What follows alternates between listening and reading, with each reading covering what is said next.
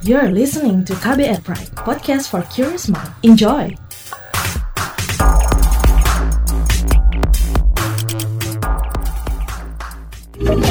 Kamu lagi dengerin What's Trending KBR Pagi.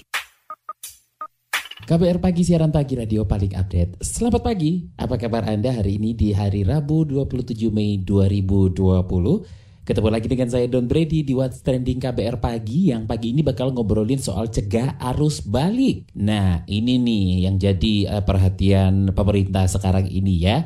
Yang kita tahu emang ya arus mudik dan arus balik itu sudah jadi kayak apa ya? Satu fenomena yang selalu dihadapi pada momen hari raya seperti lebaran setiap tahunnya, ya kan? Tapi kita tahu kalau di tahun ini arus mudik dan balik itu terhalang dengan berbagai pembatasan yang telah disiapkan pemerintah. Ini demi memutus rantai penyebaran COVID-19 baik di ibu kota maupun di daerah yang menjadi tujuan pemudik.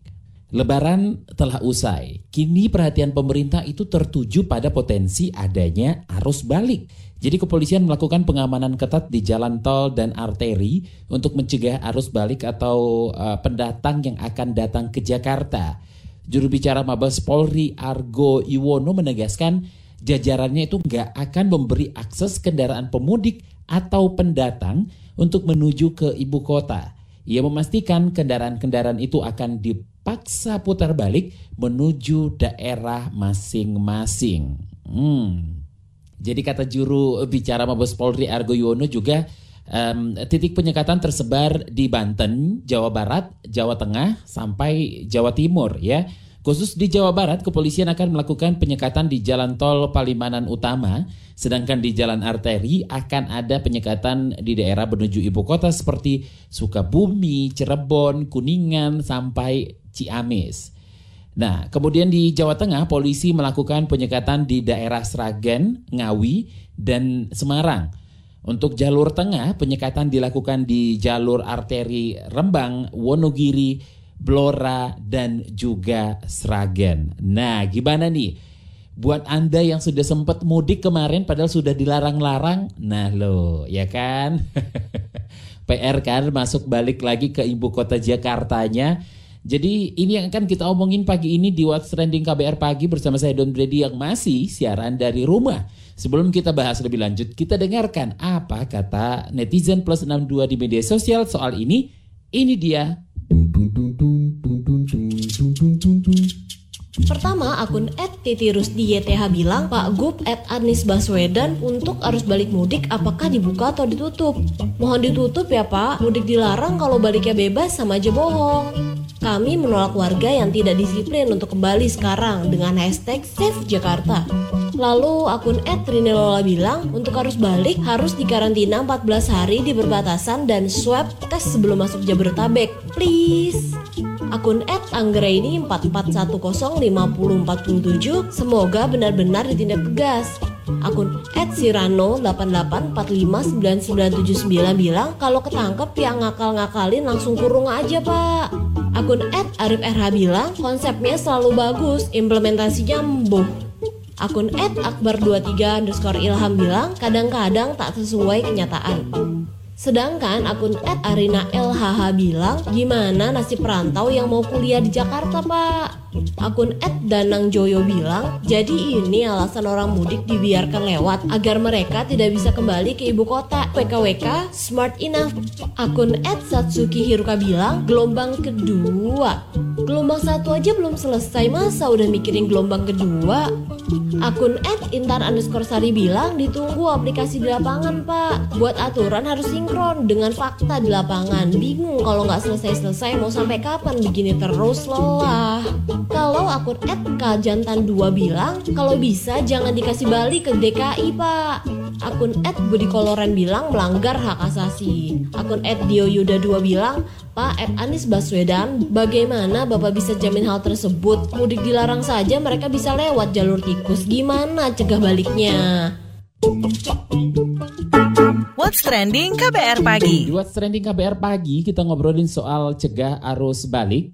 Gubernur DKI Jakarta Anies Rashid Baswedan itu meminta kepada masyarakat yang telah melakukan mudik atau pulang kampung tidak kembali ke Jakarta jika memang tidak memiliki kepentingan. Menurut Anies, penurunan kasus COVID-19 di Jakarta sudah menurun cukup signifikan. Maka dari itu untuk menjaga kurva paparan tidak naik, salah satunya mencegah arus balik. Selengkapnya kita simak penjelasannya berikut ini. Pemprov DKI Jakarta membuat ketentuan bahwa semua orang yang akan bepergian harus mendapatkan izin dan yang bepergian adalah orang-orang yang memang bekerja di sebelah sektor yang diizinkan. Ada sektor kesehatan, pangan, energi, komunikasi, keuangan, logistik, konstruksi, perhotelan, industri strategis. Ini adalah sektor-sektor yang memang diizinkan bepergian. Karena kebijakannya tegas. Seperti ditulis di sini, tidak mudik. Jadi yang bepergian adalah karena kedinasan. Begitu juga dengan yang akan masuk Jakarta. Yang diizinkan masuk ke Jakarta adalah mereka-mereka yang karena pekerjaannya mengharuskan berada di Jakarta di sektor yang diizinkan. Ketentuan ini akan dilaksanakan secara bersama-sama dan kita merujuk kepada surat edaran nomor 4 B Ketua Gugus Tugas Percepatan Penanganan COVID persyaratannya merujuk ke sana karena itu saya ingin sampaikan kepada seluruh masyarakat sejak pertengahan bulan Ramadan sudah disampaikan tetaplah tinggal di Jakarta karena bila meninggalkan Jakarta belum tentu bisa kembali dengan cepat. Dan kita akan melaksanakan aturan secara tegas. Bekerja bersama jajaran kepolisian, TNI, dan Pemprov menjaga perbatasan-perbatasan ada lebih dari 10 titik dan semua titik-titik masuk di Jabodetabek ini akan ada pemeriksaan. Mereka yang tidak memiliki surat izin keluar masuk tidak akan dibolehkan untuk lewat dan persyaratan ini harus dipenuhi bagi masyarakat yang membutuhkan. Ini alamatnya yaitu uh, Corona Jakarta titik go titik id di website ini Anda bisa mendapatkan informasi cara mendapatkan surat izin keluar masuk. Nah, senada nih dengan Gubernur DKI Jakarta, Gubernur Provinsi Sumatera Barat, Irwan Prayitno, juga meminta masyarakat Sumatera Barat untuk mematuhi peraturan yang telah ditetapkan pemerintah tentang larangan aktivitas mudik balik Idul Fitri pada masa pandemi COVID-19. Menurutnya, pemerintah Provinsi Sumatera Barat itu telah melakukan tindakan tegas bagi seluruh moda transportasi yang masuk maupun keluar wilayah Sumbar, baik dari jalur darat, laut maupun udara. Nah, dalam hal ini kinerja dari TNI dan Polri juga diapresiasi sebagai penjaga perbatasan wilayah. Ia mengklaim sejak diterapkan pelaksanaan PSBB di Sumatera Barat, pihaknya telah berhasil menurunkan laju perantau hingga 30 persen. Selanjutnya dalam menjamin kesejahteraan masyarakatnya yang um, telah kembali ke Sumatera Barat seperti itu, sekaligus menjaga mereka agar tidak keluar lagi, Gubernur Irwan memberikan bantuan insentif untuk memulai usaha yang bergerak di sektor agraris. Seperti apa? Ini dia penuturannya. Jumlahnya tidak banyak karena 22 April kita mulai PSBB disambut dengan Permen Hub 24 April itu langsung yang tadi di perbatasan itu dengan PSBB hanya membatasi mengurangi orang datang dengan 50% tapi dengan Permen Hub 25 tidak boleh sama sekali dipulangkan, dipulangkan, dipulangkan, suruh hmm. balik arah semua. Jadi kalau kita konsisten, disiplin dengan Permen Hub 25, ya itu tidak boleh keluar, Siap. tidak boleh masuk. Jadi Baik. yang sudah masuk nggak boleh keluar. Nah urusan kita di sini biasa sih hatu-hatu, tapi hmm. kalau masuk lagi keluar lagi ya kacau. Oke, Direktur Jenderal Perhubungan Darat Kementerian Perhubungan Budi Setiadi mengatakan antisipasi adanya arus balik menuju Jakarta membuat pemerintah melakukan pengetatan di sejumlah rute perjalanan. Dan menurut Budi, jika masyarakat tidak memiliki persyaratan jalan yang lengkap, maka akan diminta kembali. Seperti apa? Kita lanjutkan uh, ngobrol dengan Dirjen Perhubungan Darat Kemenhub Budi Setiadi. Pak Budi, kebijakan cegah arus mudiknya uh, seperti apa ini, Pak? Ya, masih tetap melarang kita, melarang untuk kembali ke balik gitu. Apalagi Jakarta. Belum boleh kalaupun mungkin boleh harus mengurus surat izin ke DKI. Yaitu kita ada di checkpoint-checkpoint. Setiap checkpoint sekarang yang ada sekitar 11 checkpoint yang masuk ke Jakarta itu melakukan pengecekan dari persyaratan. Dalam checkpointnya itu ada unsur Polri, TNI, Perhubungan, Pol PP, itu ada juga petugas jasa marga. Kalau misalnya yang eh, masyarakat bawa dokumen perjalanan yang lengkap, lanjut. Kalau enggak, balik, putar balik, kembali ke kampungnya. Kita harus tegas sekarang, karena memang sudah dikasih tahu seberapa lama, dan kemudian di DKI Jakarta sudah cukup bagus sekarang uh, untuk penyebaran COVID kan semakin menurun kan. Jadi jangan sampai yang dari luar itu masuk lagi ke Jakarta bawa penyakit kira-kira bawa virus lah kira begitu. Oke, okay, seperti apa pengendalian transportnya di darat dan syarat yang mesti dipenuhi? Bagaimana agar uh, tidak berbondong-bondong datang ke ibu kota, Pak? Ya kalau bus kan masih seperti kemarin. Bus ini yang hanya berstiker saja yang boleh membawa dan terminal juga hanya kita buka dari Jakarta cuma satu dari Pulau Gebang. Kemudian di Jawa Barat cuma tiga, Cirebon, Tasik sama di Bandung semua terminal belum saya buka masih saya tutup. Jawa Tengah juga demikian. Jadi nggak boleh sekarang naik mobil dari mana-mana, semuanya situ. Jadi satu mobil harus jelas itu menyangkut masalah apa uh, untuk daftar penumpangnya, manifestnya. Ya itu aja coba aja dibuka dari peraturan Gubernur 57 tuh. Itu persyaratannya. Ya sebetulnya kuncinya di ada dua menurut saya. Satu sosialisasi itu sudah dilakukan. Baik Polri sering sekali menyampaikan, gugus tugas menyampaikan, Disub juga menyampaikan, dari kementerian juga sudah menyampaikan supaya masyarakat uh, jangan dulu pulang sebelum situasi di Jakarta mungkin semakin baik gitu kan. Uh, itu sudah disampaikan, sosialisasinya sudah cukup masif lah gitu. Berikutnya yang kedua adalah kesadaran masyarakat gitu. Kesadaran masyarakat memang kalau memang uh, mau memaksakan ya mungkin ikuti aja peraturan yang dari gubernur itu gitu. Karena nanti kalau tidak semua dari Polri sekarang udah tegas penyekatan itu nggak hanya di Jakarta saja di semua pintu-pintu tol entry tol itu dari mau Jawa Timur, Jawa Tengah, Jawa Barat itu udah disekat-sekat semuanya. Jadi kalau nanti mungkin nggak bingung, nggak pusing ya menurut saya kalau mau memaksakan diri silakan urus saja persyaratan. Kalau enggak ya mungkin bertahan dulu di tempat masing-masing gitu. Nah, sejauh pantauan bagaimana Pak? Sudah ada yang coba masuk dan putar balik? Oh, yang diputar balik udah cukup banyak. Udah cukup banyak. Bisa lihat jalan tol sekarang agak sepi nih, agak sepi.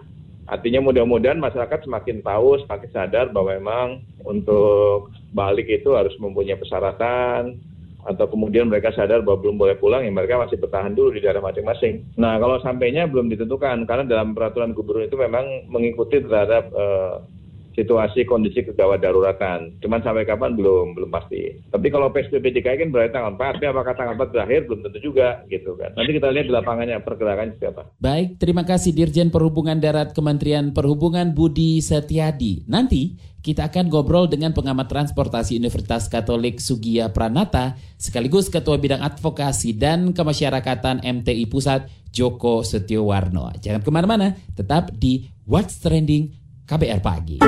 What's Trending KBR Pagi. Selamat pagi buat Anda yang baru saja mendengarkan What's Trending KBR Pagi. Pagi ini kita ngobrolin soal cegah arus balik. Nah, buat Anda yang mendengarkan siaran ini di luar Jakarta, ya kan, di daerah, karena ya siaran ini bisa didengarkan dari Aceh hingga Papua, ya kan. Nah, sekarang lagi siap-siap nih balik ke Jakarta karena kemarin itu sempat mudik. Walaupun ya sebenarnya itu udah dilarang banget sama pemerintah jangan mudik.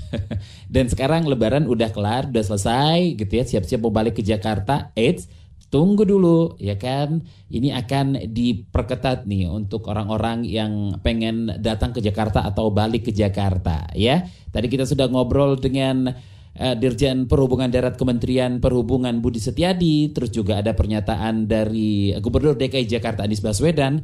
Nah, sekarang kita akan ngobrol dengan pengamat transportasi Universitas Katolik Sugia Pranata sekaligus Ketua Bidang Advokasi dan Kemasyarakatan MTI Pusat Joko Setiowarno tentang um, gimana sih efektivitas upaya pemerintah menghadang arus balik. Oke, Pak, gimana nih tanggapan Anda terhadap langkah-langkah pemerintah mencegah arus balik ke ibu kota efektif atau tidak? Ya begini, memang kalau di darat itu memang harus ada tim tambahan juga kalau saya lihat ya, karena yang di darat itu beda hanya kalau di dalam ruangan.